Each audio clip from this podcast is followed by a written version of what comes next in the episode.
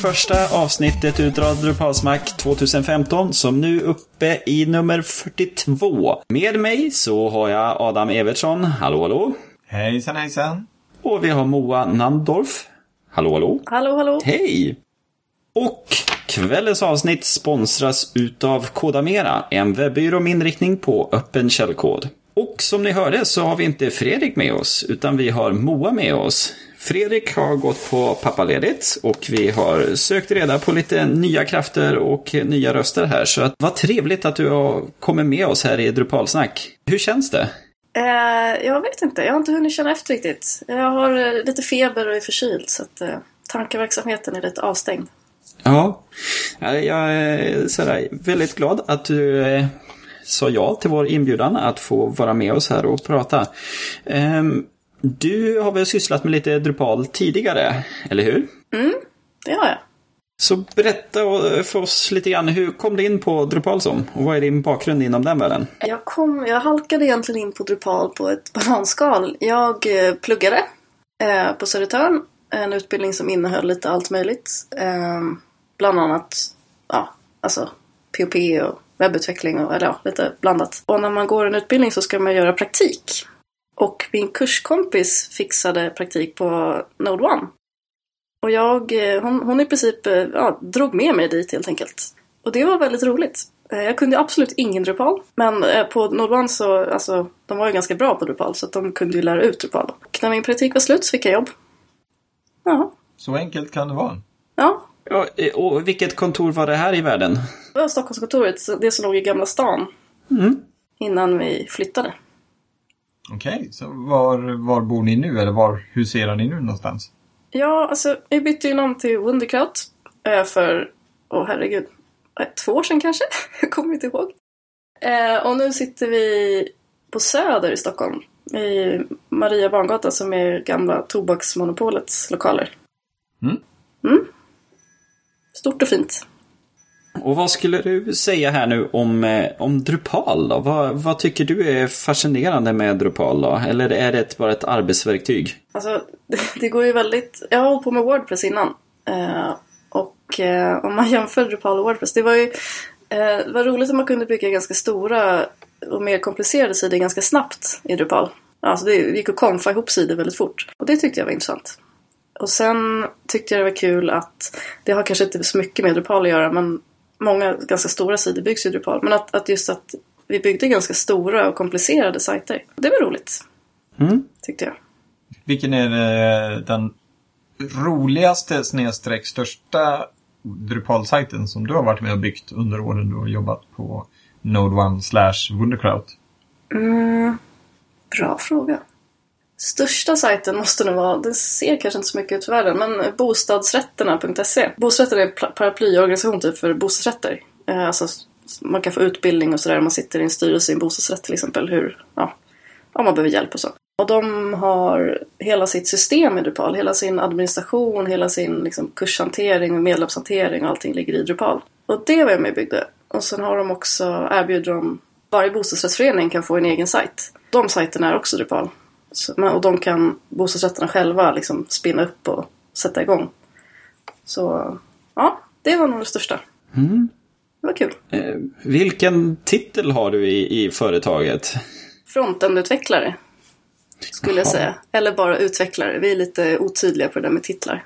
Var det inte ölansvarig? Eller icke ölansvarig? Ja, just det. Jo, men det är jag också. Jag är non... Vänta, nu ska jag säga. Chief Non-Beer Officer. Ja, precis. så det var allt annat än öl du var ansvarig allt för? Allt annat än öl. Så ja, precis. De, de har egentligen signat över i princip kontrollen över hela företaget till mig. Mm. Ja. Så, Mm. ja. Och du har inte missbrukat detta på något sätt? Absolut inte. Herregud. skulle jag aldrig göra. Nej, det låter bra. Mm. Vad härligt! Det är jättekul att ha, ha dig med oss. Eh, vi ska också säga att vi har en annan tjej som inte är med just i detta avsnittet men som kommer att vara med under våren. Det är Evelina Bergström. Kommer att få stifta bekantskap med henne i nästa avsnitt förhoppningsvis. Så vi har två nya medlemmar här i vår Drupalsnack-hörna kan man säga. Så vi är som den här grekiska guden där. Hugger av ett huvud så kommer det två nya eller vad heter det? Det var, eller vad heter det, vad heter det monstret? Det, ja. Medusa? Mm, Medusa var det nog ja. Men eh, det vi hade tänkt egentligen prata om ikväll här nu, det är ju vilka roller behövs i ett webbprojekt?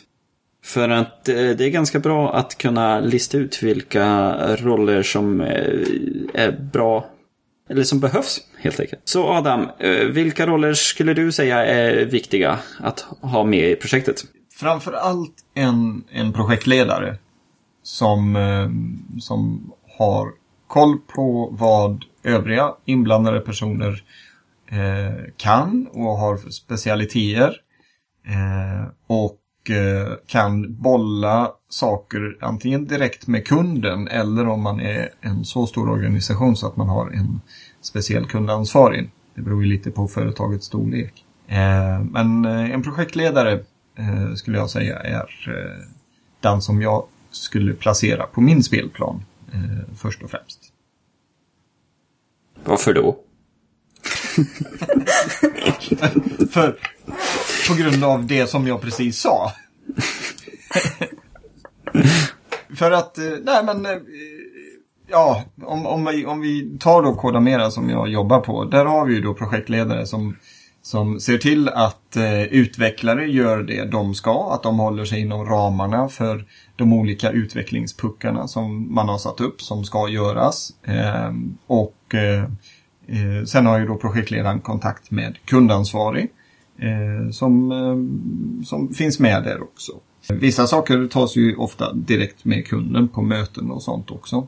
Men en projek projektledare är liksom spindeln i nätet om det gäller ett större projekt vill säga. Vad skulle du säga är största risken om, om du inte har någon projektledare i ett projekt? Eh, då skulle jag nog säga att det finns i, i tar man bort spindeln då, då sticker ju liksom alla åt alla håll och kanter. Nej, inte riktigt. Men eh, risken är ju att eh, man inte får den här samordnaren som får överblicken för hela projektet och utvecklingen som inte håller stand-ups eller då små möten för att hålla koll på hur långt har vi kommit? Var är vi? Vad har vi för faror? Eh, går allt enligt planering och liknande? Så att eh, skulle projektledaren försvinna eller inte ens finnas med i projektet så eh, ja, det, det kan ju bli kaos.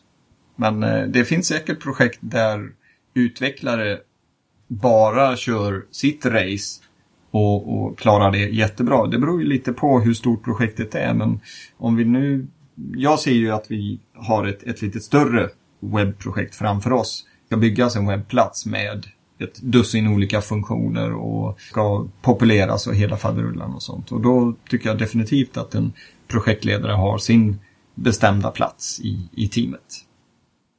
Jo, det, det håller jag med om och det är ju sådär på något sätt kommer man ju alltid få en projektledare för någon känner något ansvar och blir en inofficiell projektledare om det inte finns.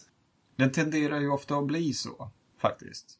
Jag har suttit i något projekt, eller några projekt, där vi inte haft någon riktig projektledare. Men då har vi haft en Scrum Master istället, som eh, fått ta över, ja, i princip ta över den rollen.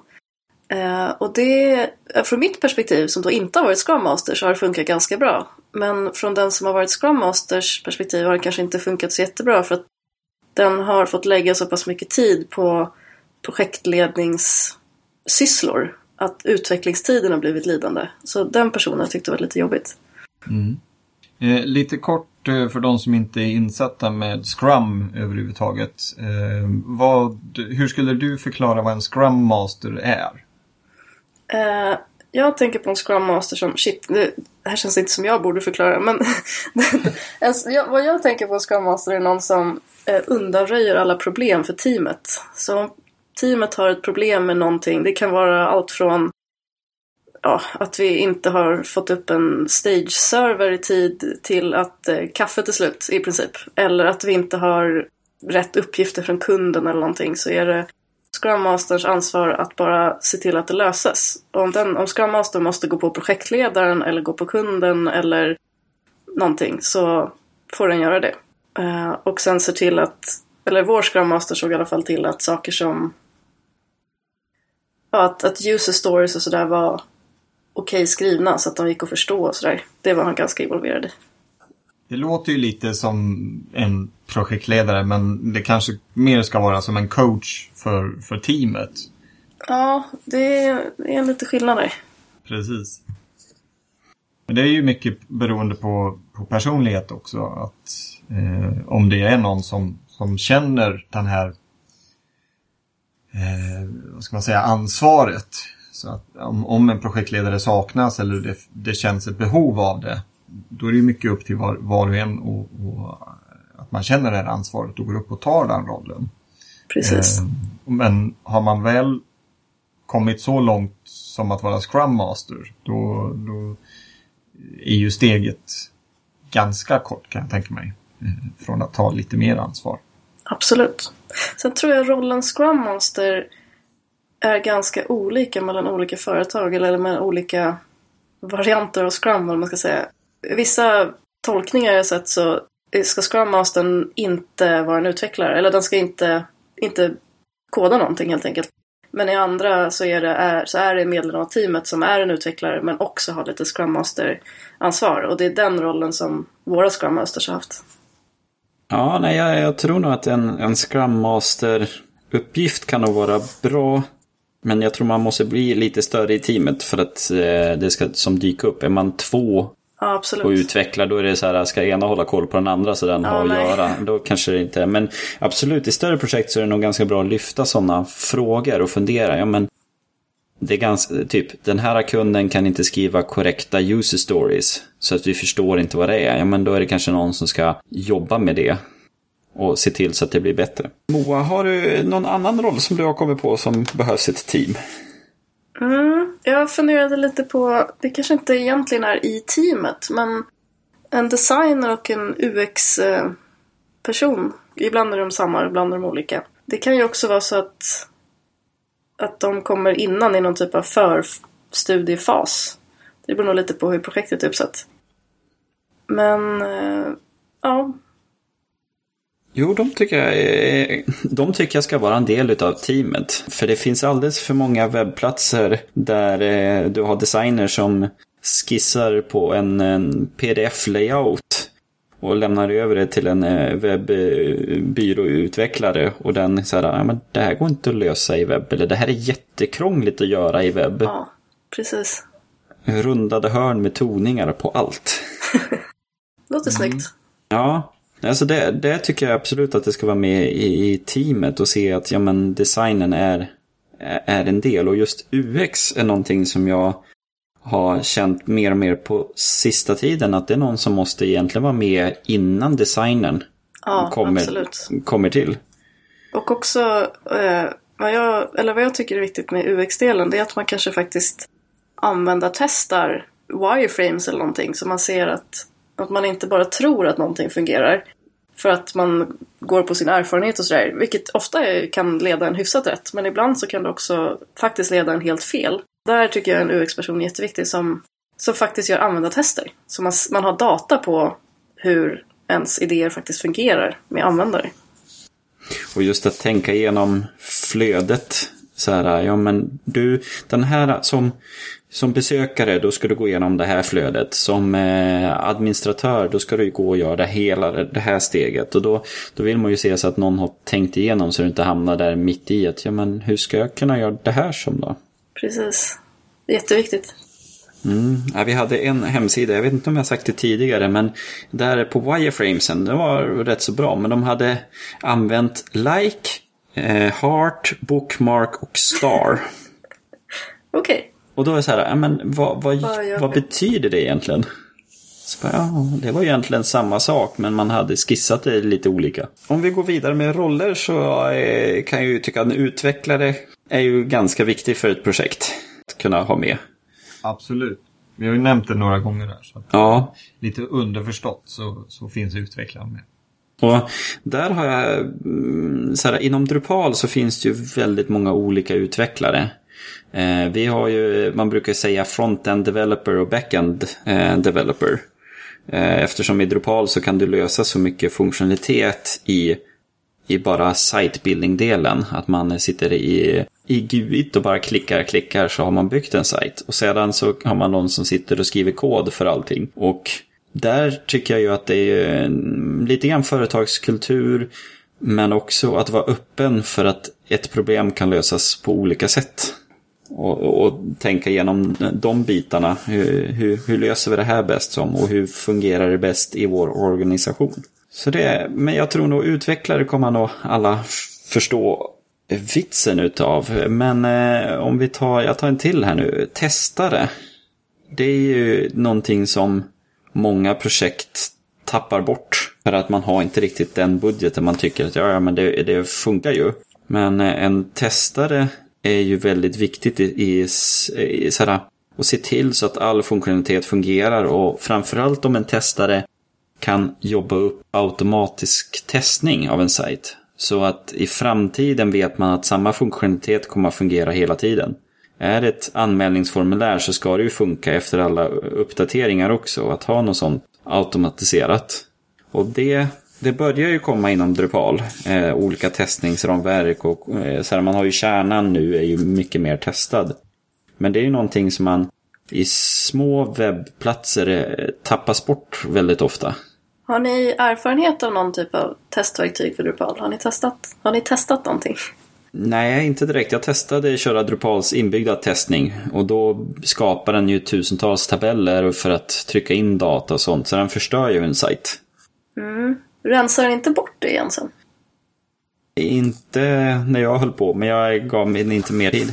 Vi körde automatiska tester på ett projekt och det var det första projektet vi körde det på och som ni vet att första gången man gör någonting så blir det oftast ganska dåligt helt enkelt. Eh, och så blev det också här. Men det var ändå intressant att, att faktiskt köra de här testerna. Att vi körde dem på varje, jag tror vi körde dem var varje kvart när någonting hade pushats. Så om det hade pushats något under den kvarten då kördes då byggdes en sajt och så kördes de automatiska testerna och så fick vi feedback på om någonting breakade sajten. Och det, alltså, det var väldigt trevligt sätt att jobba på. För om någonting breakade så hade man i huvudet precis vad man hade jobbat på.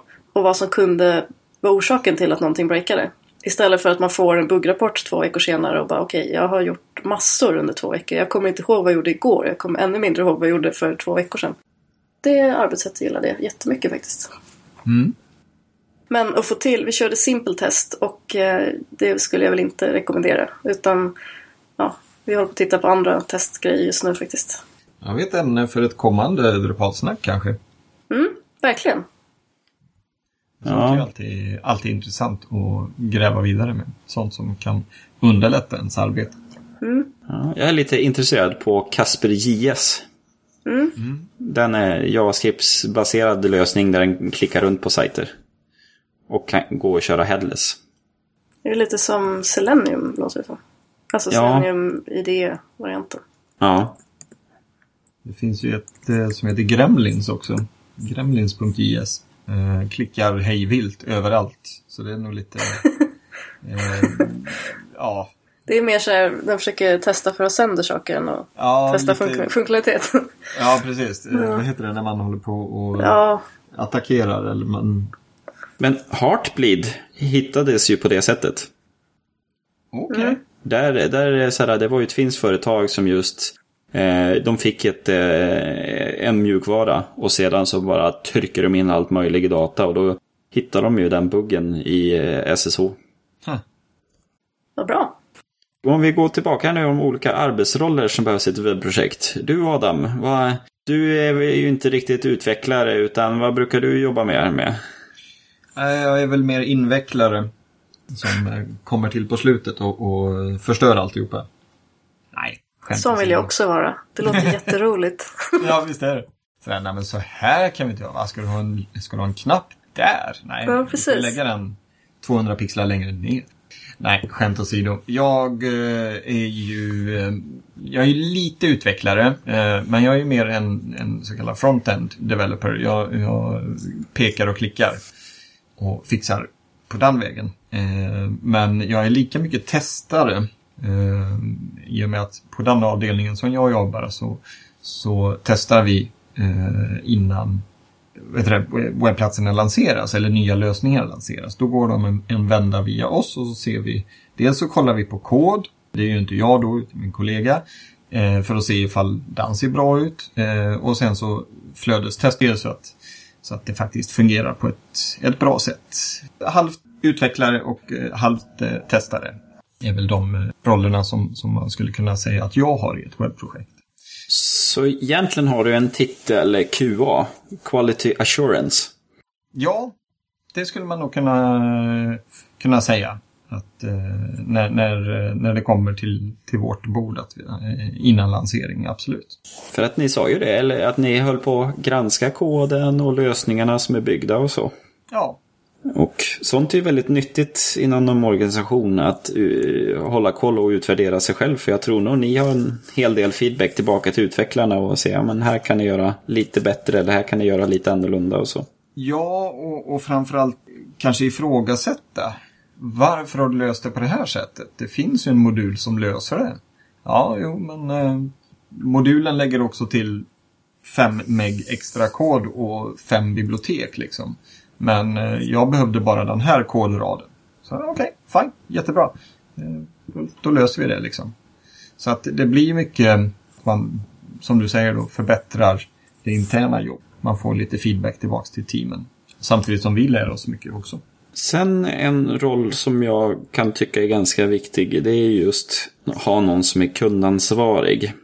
Eh, att ha någon som är utsedd att ja, men det är du som sköter kontakten med kunden. Det är du som försöker förstå vad de egentligen vill ha. För det är så lätt att man har en kund som rycker och sliter i alla personer i ett team. Och det kan störa teamet ganska mycket. Eh, att ja, men en utvecklare får inte sitta och lösa sitt problem utan ska svara på frågor om hur, eh, hur, hur fixar man det här eller hur gör man det här som och, och den biten. Ser, ser du en skillnad eh, i just den rollen att ha kontakten med kunden? Är det en skillnad där på kundansvarig och projektledare? Det är inte projektledaren som sköter den kontakten med kunden? Eh, ofta så är det samma. Ehm, eh, men tidigare när, i min förra, arbets, eh, eller för, förra arbetsgivare så var vi så pass stort team och vi hade så pass stor kund. Så att det behövdes en teamledare som höll på vilka resurser har vi i, i teamet och vad kan vi lägga på och tog lite grann mot Scrum Master-uppgifterna. Och sen har man en som är ute hos kund och är mer eller mindre tekniker på plats och förstår kunden. Okay. Så, så, så fort kunden får något problem så är det den den vänder sig till och sedan får den kundansvarige, så här, ja men hur ska vi gå vidare med det hela? Är det en buggrapport som ska göras eller kan jag lösa det med lite utbildning och den biten? Men oftast, ja, i mindre projekt så går ju kundansvarig och projektledare ihop. Precis. Det kan väl också vara så att eh, kunden i form av beställare eh, alltså högste chefen hos, hos, i kundens organisation eh, har kontakt med kundansvarig på, på utvecklingsföretaget. Men det är inte beställaren, den högste chefen, som har koll på vad det är som behöver göras. Den, den personen har bara egentligen det ekonomiska eh, ja, ansvaret. Eh, så kundansvarig på utvecklingsföretaget har, kont kontakt med den chefen medan projektledaren i utvecklingsteamet har kontakt med de som faktiskt eh, vet någonting vad, vad, produkten ska innebära. Så man kan mm. ha de, de två skikten också. Även om det kanske inte är så ofta just det händer. Men... Det är nog, jag tror att det är den typen av liksom, struktur som jag är mest van vid. Att vi har eh, någon sån här budgetprat ligger liksom långt ovanför någonstans. Ingenting som jag är så intresserad av. Men mm. kontakten med kunden går hela tiden via projektledaren. Som pratar med den hos kunden som är ansvarig för och som har mandat att bestämma vad det är som ska byggas. Det handlar kanske bara helt enkelt hur, hur stor organisation man har att jobba mot. Kommer de över en viss nivå, då blir det det här att äh, men nu är vi flera personer som på olika hierarkinivå ska ha någonting att säga till om och den som håller i plånboken skiter i eh, om det ska vara grönt eller rött på, på webbsidan. Det får nästa nivå ta hand om. Liksom. Mm, precis. Ni, ni, har inte så här att, jag vet att vi har ett, ett, jag tror inte det är kanske någon bestämd regel, men jag tror att den sitter ganska hårt att vi vill ha så en person hos kunden som vi kan vända oss till och inte ha just det att man har flera personer som ska säga till om olika saker utan vi vill ha en person Och den ska liksom ha mandat att säga bu eller bä om allt. Och så får den ta saker internt liksom. Men känner ni igen strukturen? Ja, absolut. Och vice versa, att just att det är bara är en person som får göra beställningar till, Ja, eh, till utvecklarna. Så att inte lilla, lilla nyanställda Anton längst ner i hierarkin på före- företaget kommer och säger Hej, vi vill ha de här modulerna installerade, de verkar roliga. Ja, Och precis. så, och så gör utvecklarna det och så kommer det en faktura och sen så går någon i taket liksom. Ja, precis. Så att eh, absolut, det, det är ju det bästa. Så att man har en person som man snackar med eller tar emot beställningar av.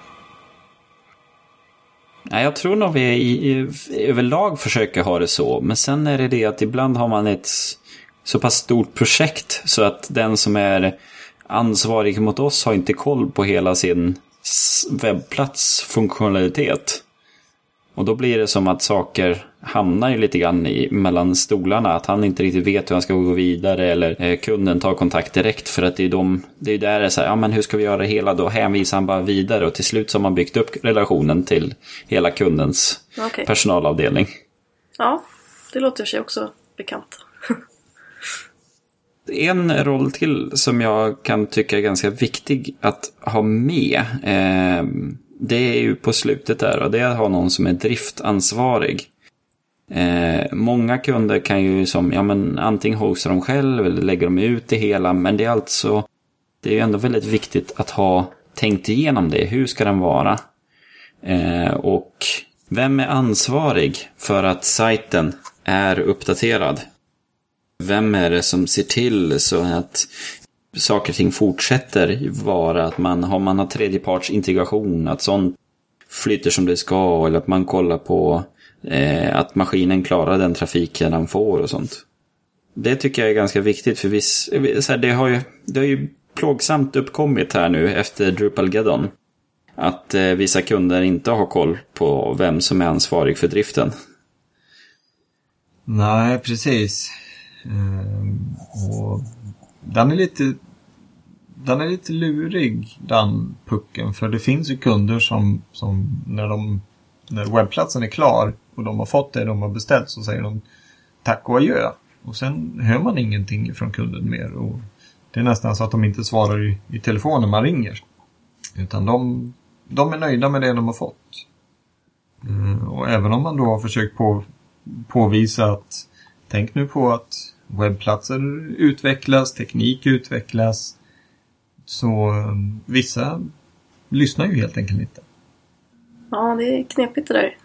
Um, sen är jag tror det, har, har ni, hostar ni sajter själva eller har ni, är det oftast att kunden hostar? Vi hostar allt vårt själva. Ja. Vi Hur- gör ju, eh, Kodamera gör inte det, utan vi är mer lyhörda för vad kunden har, antingen själv eller vad de är ute efter. Sen jobbar vi ju väldigt tätt med vissa webbhotell naturligtvis, men, eh, men vi hostar inget själva. Nej. Jag jag känner igen problematiken där att när om kunden, om de, de bestämmer över sin hosting själva och vi inte har kontakt med de som hostar. Att just sådana uppdateringar och sådär kan ju falla mellan stolarna och så blir sajterna hackade och sådär. Precis. Det är lite jobbigt. Det är eller skönt för mig som utvecklare om, om vi hostar för att det som ligger på våra servrar det kan ju vi fixa själva liksom. Så slipper man oroa sig. För att även om, om man har förklarat det för kunderna att om den hostar själv att de måste hålla det uppdaterat och så och kunden kör det här att de inte riktigt tar in den informationen så känner jag ju mig som utvecklare ändå på något sätt så här ansvarig för det jag har lämnat ifrån mig. Även om jag inte riktigt kan påverka att de håller sin sajt uppdaterad så vill jag ju ändå att den sköts liksom. Ja, precis. Jag brukar väl säga, för jag är ute på en hel del utbildningar med kunder och jag brukar ju säga att du köper inte en bil och, och sen struntar i att ta hand om den. Och det är likadant med en webbplats. Du måste hålla lite koll på vad som händer runt omkring. Eh, precis som i trafiken har du med trafikanter medan på webben ja, då har du nya tekniker, nya lagar som, som sätter begränsningar eller som sätter press på din, din webbplats. Samtidigt då som att, precis som att du har, gör en service på din bil så måste du också göra service på din webbplats med jämna mellanrum i form av säkerhetsuppdateringar. Det var en himla bra liknelse. Jag tror jag Mhm. snor den. Eh, det kan du göra. just, just det här att visa att det finns någon koppling till verkligheten, man ska säga. Att bara säga att du måste säkerhetsuppdatera, annars går det åt helvete. Eh, det, det flyger över huvudet på en del kunder, men jämför man med, med en sån här bil, att du lägger inte 200 000 på en ny Ford och sen bara skiter i att ta hand om den. Nej, det, det brukar, då börjar de fatta liksom att okej, okay, jag, jag hajar. Men, eh, men det är väl kanske något som, eh, som man får helt enkelt antingen bara acceptera att vissa kunder struntar i det och sen biter de i det sura äpplet någon gång fram igenom när de antingen blir fyllda med spam eller hackade. Ja.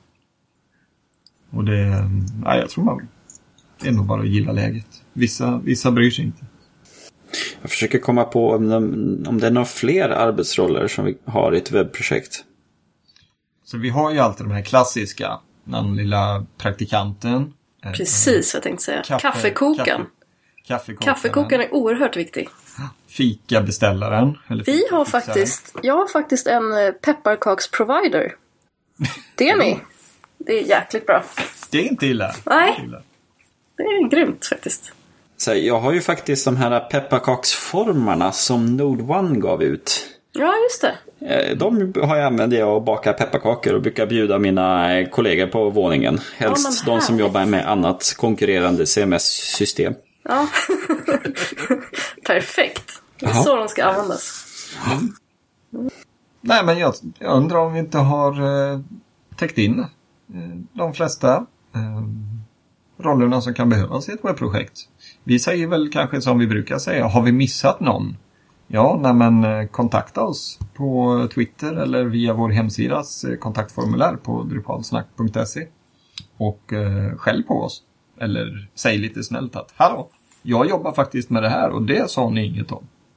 Och vi går ju också att kommentera direkt på vår eh, podcast också. På Precis. noden själv. Och sen är det ju också som så, jag tänkte på de här rollerna, att man kan ju vara olika nivå på dem också. Eh, det finns ju alltid experter och nybörjare på varje nivå. Och det finns ju ingen roll här som jag ser som någon bättre roll än den andra. Det enda som är bättre är om man kan sin roll bättre. Precis. Det var fint sagt. Mm. Då kan vi prata om fina saker här nu också Adam. Liftarens guide till galaxen. Ja, precis. Jag har, jag har suttit med här under diskussionen och, och, verkligen försökt komma på något bra sätt att flika in eh, Liftarens guide till galaxen. För det är ju faktiskt avsnitt nummer 42 det här. Ehm, och, och länge i vårt planeringsverktyg för, för poddarna här så, så har det ju gått eh, så har det stått med eh, som Liftarens guide till galaxen avsnittet eller avsnittet med väldigt mycket Liftarens guide till galaxen referenser. Eh, men eh, det var lite svårt att, att, få in Marvin eller vogoner eller vogonpoesi här i ett eh, webbprojekts arbetsroller. Mm. Eh, men eh, vi måste ju ändå nämna det faktiskt. Ja. För det är ju nummer 42. Ja. Meningen med livet. Moa, du hade... Du ropade nästan glatt eh, ja. när, när vi nämnde detta. Så jag, jag förstår att du känner till Liftarens guide till galaxen också. Ja, absolut. Eh, självklart. Eh, men jag måste ju erkänna att jag har bara läst de första två. Pinsamt nog. Men eh, ja. ja. Men då, har du, då har du fyra till. Det är ju sex delar i den här ja. trilogin. Så att eh, det finns lite att ta av. Det gör ju det. Men hur var det? Den boken skrevs väl som en radioshow va? Först? Eh, ja, precis. Eh, det var en radioshow som blev en bok, som blev en trilogi, som blev fem böcker och sen kom det en sjätte bok eh, lite långt senare efter Douglas Adams hade gått bort. Eh, och den skrevs av en annan författare som eh, hade fått i uppdrag kan man väl säga av Douglas Adams dödsbo att faktiskt skriva lite eh, till på den här historien. Jag tror det fanns en bok på planeringsstadiet när Douglas Adams gick bort. Så eh, då blev det en sjätte bok. Men de är ruskigt roliga och eh, när man tittar på mycket film och sånt så, så det kommer alltså lite referenser ifrån Liftarens guide till galaxen lite här och var. Och, eh, det är, inte, det är riktigt skoj. Det känns som att känna till nummer 42. Det, det tillhör allmänbildningen. Alltså, Ja. Folk som inte gör det, de, de får ju gå om grundskolan liksom. För 42, det är ju svaret på sanning, livet och allt i hela universum. Precis. Precis. precis. Mm. Och det, det jobbar de länge på att komma fram till. Så att man ska ju inte bara skjuta det åt sidan och tycka att nej, nu går vi och tar en kaffe. Mm. Eh, vi kanske kan snacka mer om Liftarens guide eh, till galaxen i eh, vårt eftersnack. Vi har ju några fler puckar här, Kristoffer, som vi ska få beta av innan eh, vi avslutar. Ja, du har ju varit aktiv och gjort eh, spam-utskick här nu. Eller du ska göra spam-utskick. Ja, jo, ja. Så, så kan man också lyfta fram det. jo, nej, vi har eh, ju eh, sett att eh, folk gärna vill veta när eh, våra avsnitt kommer. Och om man inte prenumererar på dem i, via något podcastverktyg eller via iTunes eller liknande tjänster eller hänger på Twitter eh, så har vi faktiskt gjort något som eh, är ett mer klassiskt eh, sätt. Och det är att vi har lagt upp ett nyhetsbrev som man kan anmäla sig till så får man liksom en blänkare i brevlådan, i e-postlådan, när vi har släppt ett nytt avsnitt. Så att om ni går in på drupalsnack.se nyhetsbrev så finns det ett enkelt formulär där ni kan knappa i er e-postadress. Så får ni helt enkelt eh, komma med i den vändan och få reda på när det släpps nya avsnitt. Vi lägger med länken i våra show notes också så att ni kan klicka er direkt till, till eh, formuläret. Vi har väl redan ett bra antal följare som vi är glada över. Det är du, jag och någon till, Adam. Eh, jag tror, sist jag kollade så var vi fyra personer. Så, Oh, ja. det är... Kan, eh, kan den här mail, eh, hur ni nu skickar ut de här, era e-mailklienter, kan de hantera fler följare? Det, kanske Det får vi se. liksom. Ja. ja, den har ju någon limit där på ett mail per dag för att inte bli spamflaggat. Så att det är någonstans vid 14 börjar det bli kärvt. Okej. Vi behöver en driftansvarig för det här tror jag. Men man kan ju också prenumerera på vårt nyhets eller våra podcast via RSS-flödet. Det är bara att lägga in dem i sina podcastlyssnare. Eh, Jag kör Podkicker på min eh, Android och vissa andra kör ju Apple-produkter och är fastlåst i iTunes då. Men det fungerar fint. Ja, exakt. Jag har inte förstått det heller, men vissa tycker det. Du, du låter inte alls bitter. Ja, och sen eh, har vi ju Twitter, eh, ett Drupalsnack och så har vi hemsidan drupalsnack.se. Det var väl det vi hade ikväll. Ja. Och vi tackar ännu en gång eh, Kodamera som sponsrar det här avsnittet. Så De är ju en webbyrå med inriktning på öppen källkod och det tycker vi är väldigt kul. Så vi rundar av kvällen där och säger hej då till alla våra lyssnare som inte stannar på eftersnack. Och för er som vill ha eftersnack så kommer vi här om en liten stund. Hej då! Hej då! Hej då!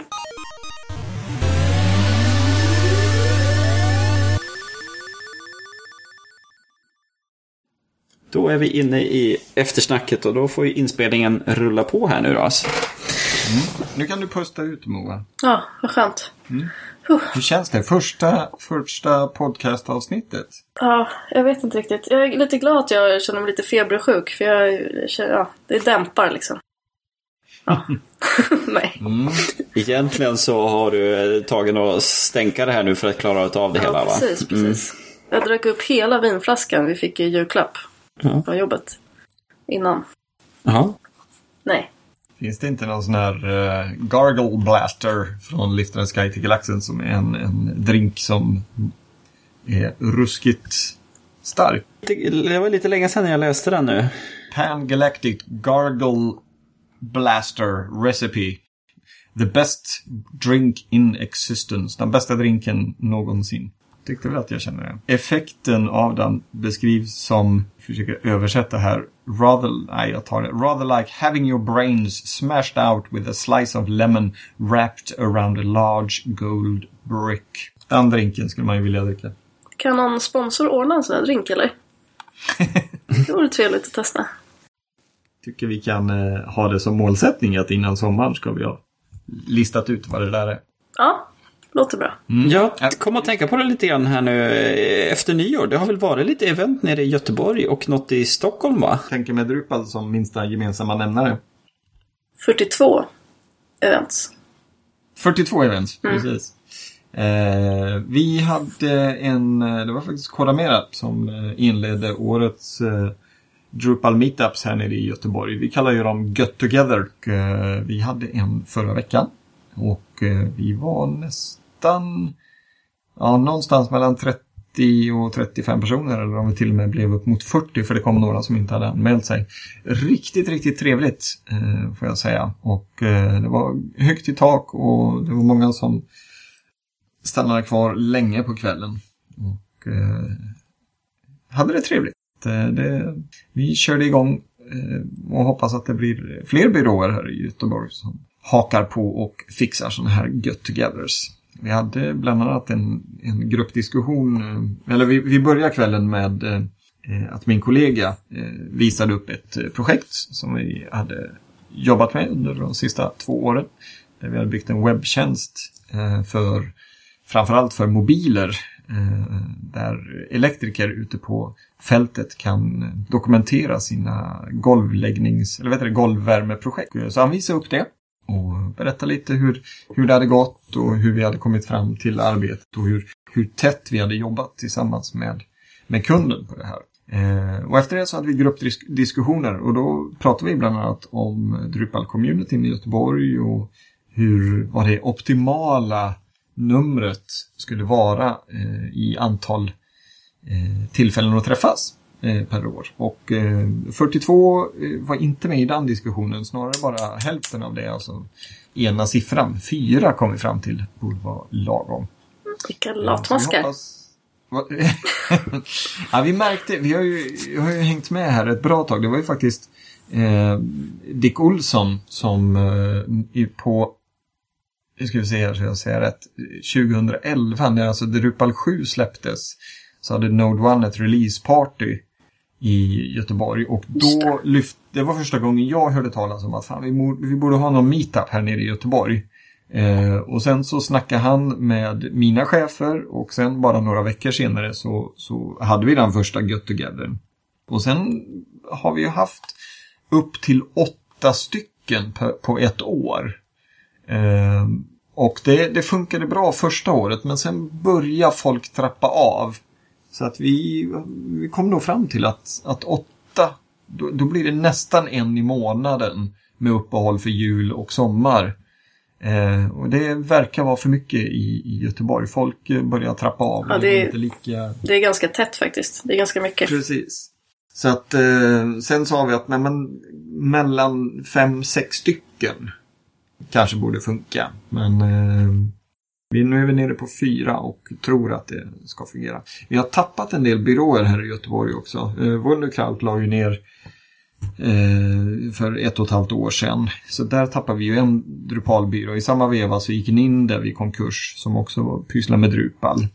Så att eh, det är ju färre byråer som jobbar aktivt med Drupal och kan ta den här eh, rollen. För här i Göteborg så är det ju så att där eh, är det just byråerna som bjuder in till en meetup. Vi har ju inte, det är inte bara communityn som säger att vi träffas på en, på en pub eller en bar, utan här är det företagen som passar på att bjuda in och ja, få lite gratis reklam. De kan visa vad de har pysslat med, de kan eh, passa på att sondera terrängen för, för kommande anställningar och så vidare. Eh, och det har fungerat väldigt, väldigt bra. Så att, eh, jag hoppas att någon av byråerna som, som eh, jobbar med, med Drupal här i Göteborg tar stafettpinnen och, och kör vidare. Och det, det var många som sa att jo, då, men det, vi är sugna också. Så att, eh, det blir nog fler här under våren. Hur många byråer är det som jobbar med Drupal ungefär? Mellan tummen och pekfingret. Eh, jag skulle nog säga att eh, det är renodlade byråer, alltså som inte bara gör allt möjligt och gör en Drupal webbplats här och en där. Utan som faktiskt aktivt väljer Drupal som, som sitt favoritverktyg så är det nog en sju, åtta stycken. Men sen har vi ju då större byråer, alltså med flera hundra anställda och där, de spottar ju ur sig en Drupal här, här och där. Eh, just för att kunden kanske har, har velat ha Drupal eller för att det fanns någon tidigare lösning som gjorde att Drupal fick komma med. Eh, men eh, just hundraprocentigt Drupal med fem, sex anställda och uppåt, då skulle jag nog säga sju, åtta stycken. Okej. Okay. Mm. Såg här nu, den eh, samlingen i Stockholm, den är ju nu på fredag den 29. Just det. Då är det eh, vad stod det där, Drupal Evening 4. På Cybercom, eller hur? Vi ska se här vad det stod. Jag tror att det är Cybercom. Ja. Det stämmer bra det. Ska du dit? Ja, jag hade tänkt det, men vi kommer hem från en konferens på fredag. Så risken är att, att jag är lite trött. Mm. Men eh, ja, det, vi har, jag har snackat lite om det med en tidigare kollega och så att vi ska borde försöka palla oss dit. Faktiskt. Mm. Hur ofta har ni meetups uppe i Stockholm? Helt ärligt så har jag lite dålig koll. För jag har ju Pontus på mitt jobb och han har ju stenkoll. Eh, så mm. då, liksom, då slipper jag tänka så kan jag bara fråga honom hela tiden. Jättepraktiskt. Men ja. jag tror vi har haft, ja men ungefär, kanske ungefär fyra då. Det är ett par per, per termin höll jag på att säga. Men per, ja, per, ja vi fattar vad jag menar. Ja. ja. Något mm. sånt. Har du eh, någon koll på eh, om det blir några camp uppe i Stockholm till våren? Jag vet ju att det finns ett, en eh, önskan om det. Och, ja. och det har varit lite intressemöten och så men eh, eh, jag har inte sett så mycket mer. Nej, jag... Man är ju nyfiken. Vi har pratat om det vet jag. Eh, men tyvärr har jag noll koll på vad som händer just nu. Men jag kan ta reda på det. Kan jag Få en liten hemläxa. Ja, precis. Det kommer säkert, eh, om det blir ett camp så kommer vi att prata om det nat naturligtvis. Mm. Men det får vi hoppas att det blir av. Hur är det uppe hos dig, Kristoffer? Ja, nu har vi ju, det är ju vi i webbsystem som driver det hela där uppe i eh, Drupal Norr-träffarna. Och nu har vi haft så mycket i höst att göra så vi har inte under, haft tid över. Ska vi ha någon e egen tid med familjen så kan man inte lägga in en, en Drupal-träffar då också. Mm. Så att, eh, nej vi har legat lågt men nu i vår ska vi väl sikta på att ha någonting. Eh, det är ändå en kul grej att träffa. Det är ju lite avstånd vi får kämpa med här uppe men det brukar inte vara något större problem. Så att, eh, nej men det, det, ja, det är alltid kul att träffa andra som jobbar inom Drupal. Absolut. Det tycker jag ju fortfarande är eh, en av de mest fascinerande grejerna med Drupal. Hur verkligen, kanske inte bittra konkurrenter, men konkurrenter träffas och slår sig ner och diskuterar Drupal och lösningar och moduler, kodning och allt möjligt. Och äh, jag, jag är ständigt fascinerad över det. Eh, hur, hur bra det funkar och hur öppet det är. Det finns ju säkert folk som, som struntar i att gå på de här träffarna. För, nej, jag, jag vill banne inte berätta alla mina arbetshemligheter. Men äh, jag, jag har inte stött på just det här på, på några andra ställen otroligt fascinerande. Det nästan roligaste tycker jag att se case studies från att dels även inom mitt eget företag men också äh, från andra företag och se så hur, hur löser de problem? Alltså jag tycker det är, mm. man lär sig jättemycket på det.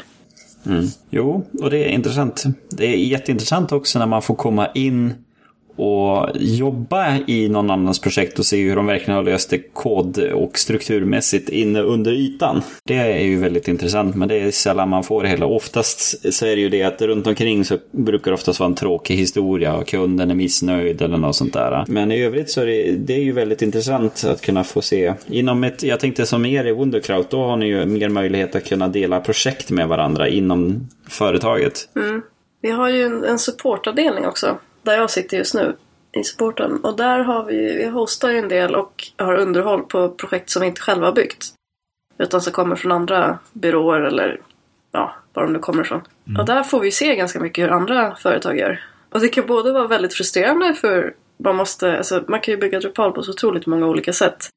Ja, eh, och ibland så kommer det projekt som vi säger så här har vi aldrig sett någon som har byggt förut och då måste man lära sig hela liksom det Eh, Man måste fatta tänket.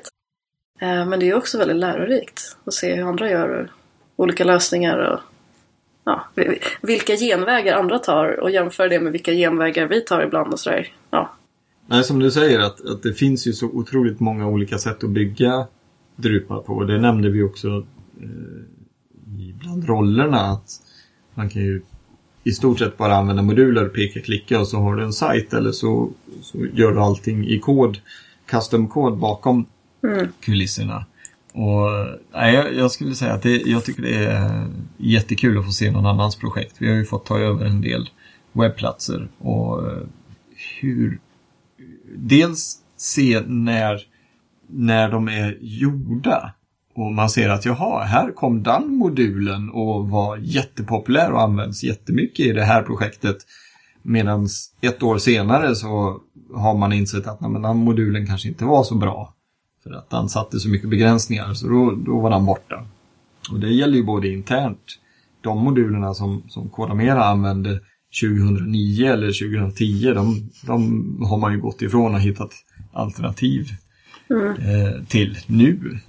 Och, och just den här meningen att ja, man kan ju bygga så här. Men, eh, Men det är inte rätt. Vi gör, nej, det är inte rätt. Men vi gör inte så här.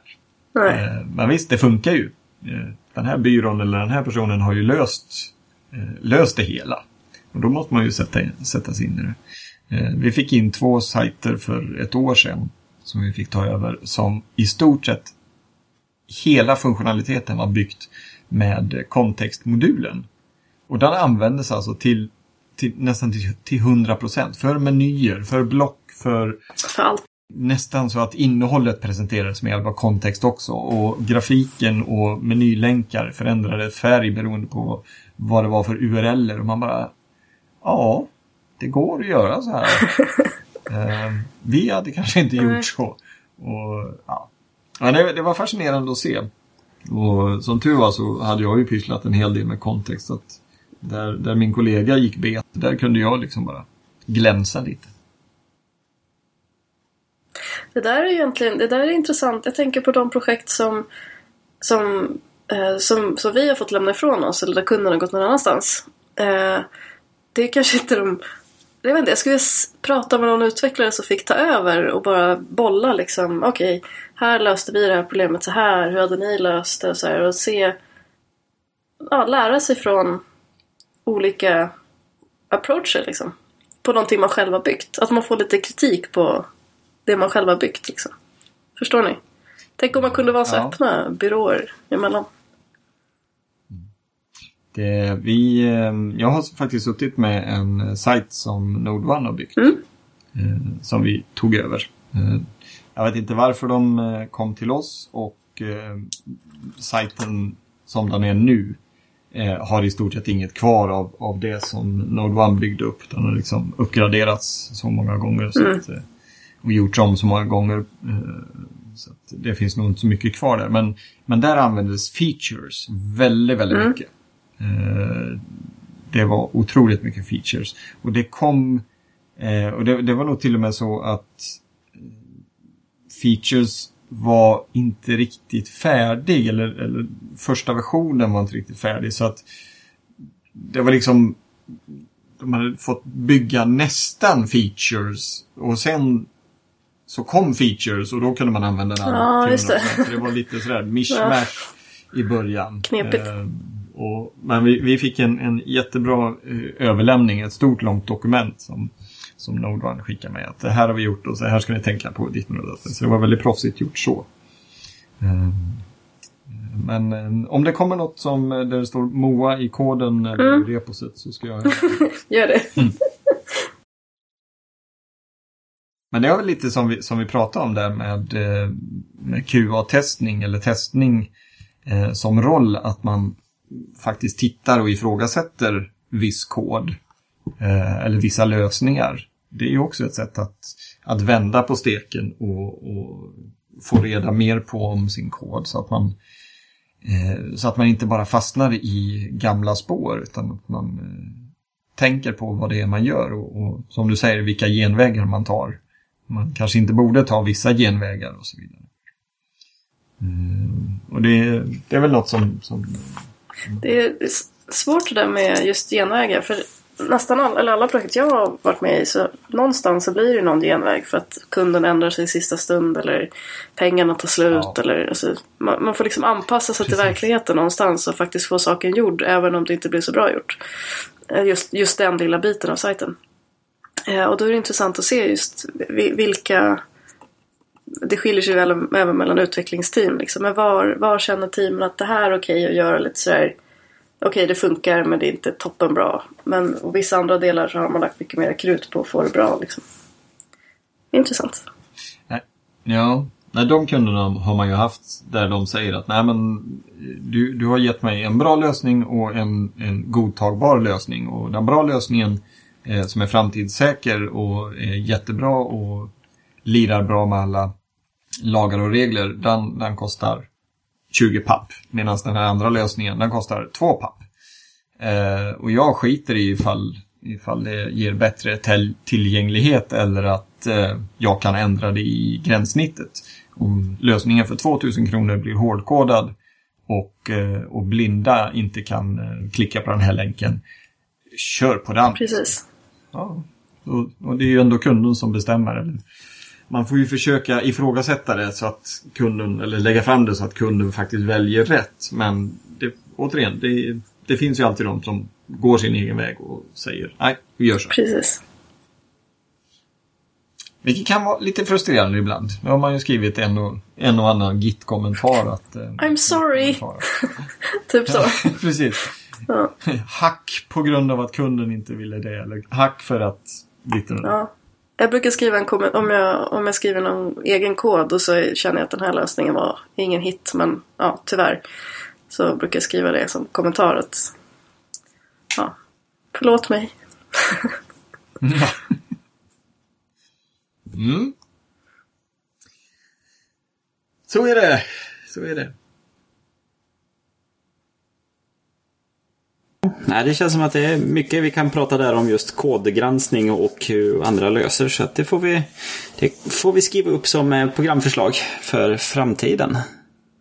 Men eh, jag tror nog att vi ska runda av för kvällen här nu. Vi börjar komma upp i 60 minuter. Och nu behöver nog våra lyssnare en liten paus ifrån våra röster. Till om två veckor när nästa avsnitt kommer. Ja. Och tack så hemskt mycket Moa eh, för att du har varit med oss. Det är jättekul med en ny röst. Tack själva. Roligt att vara Jag här. hoppas... Ja, vad kul! Så att vi inte har skrämt bort dig. Nej, inte än. Nej. Så vi säger hej då! Hej då!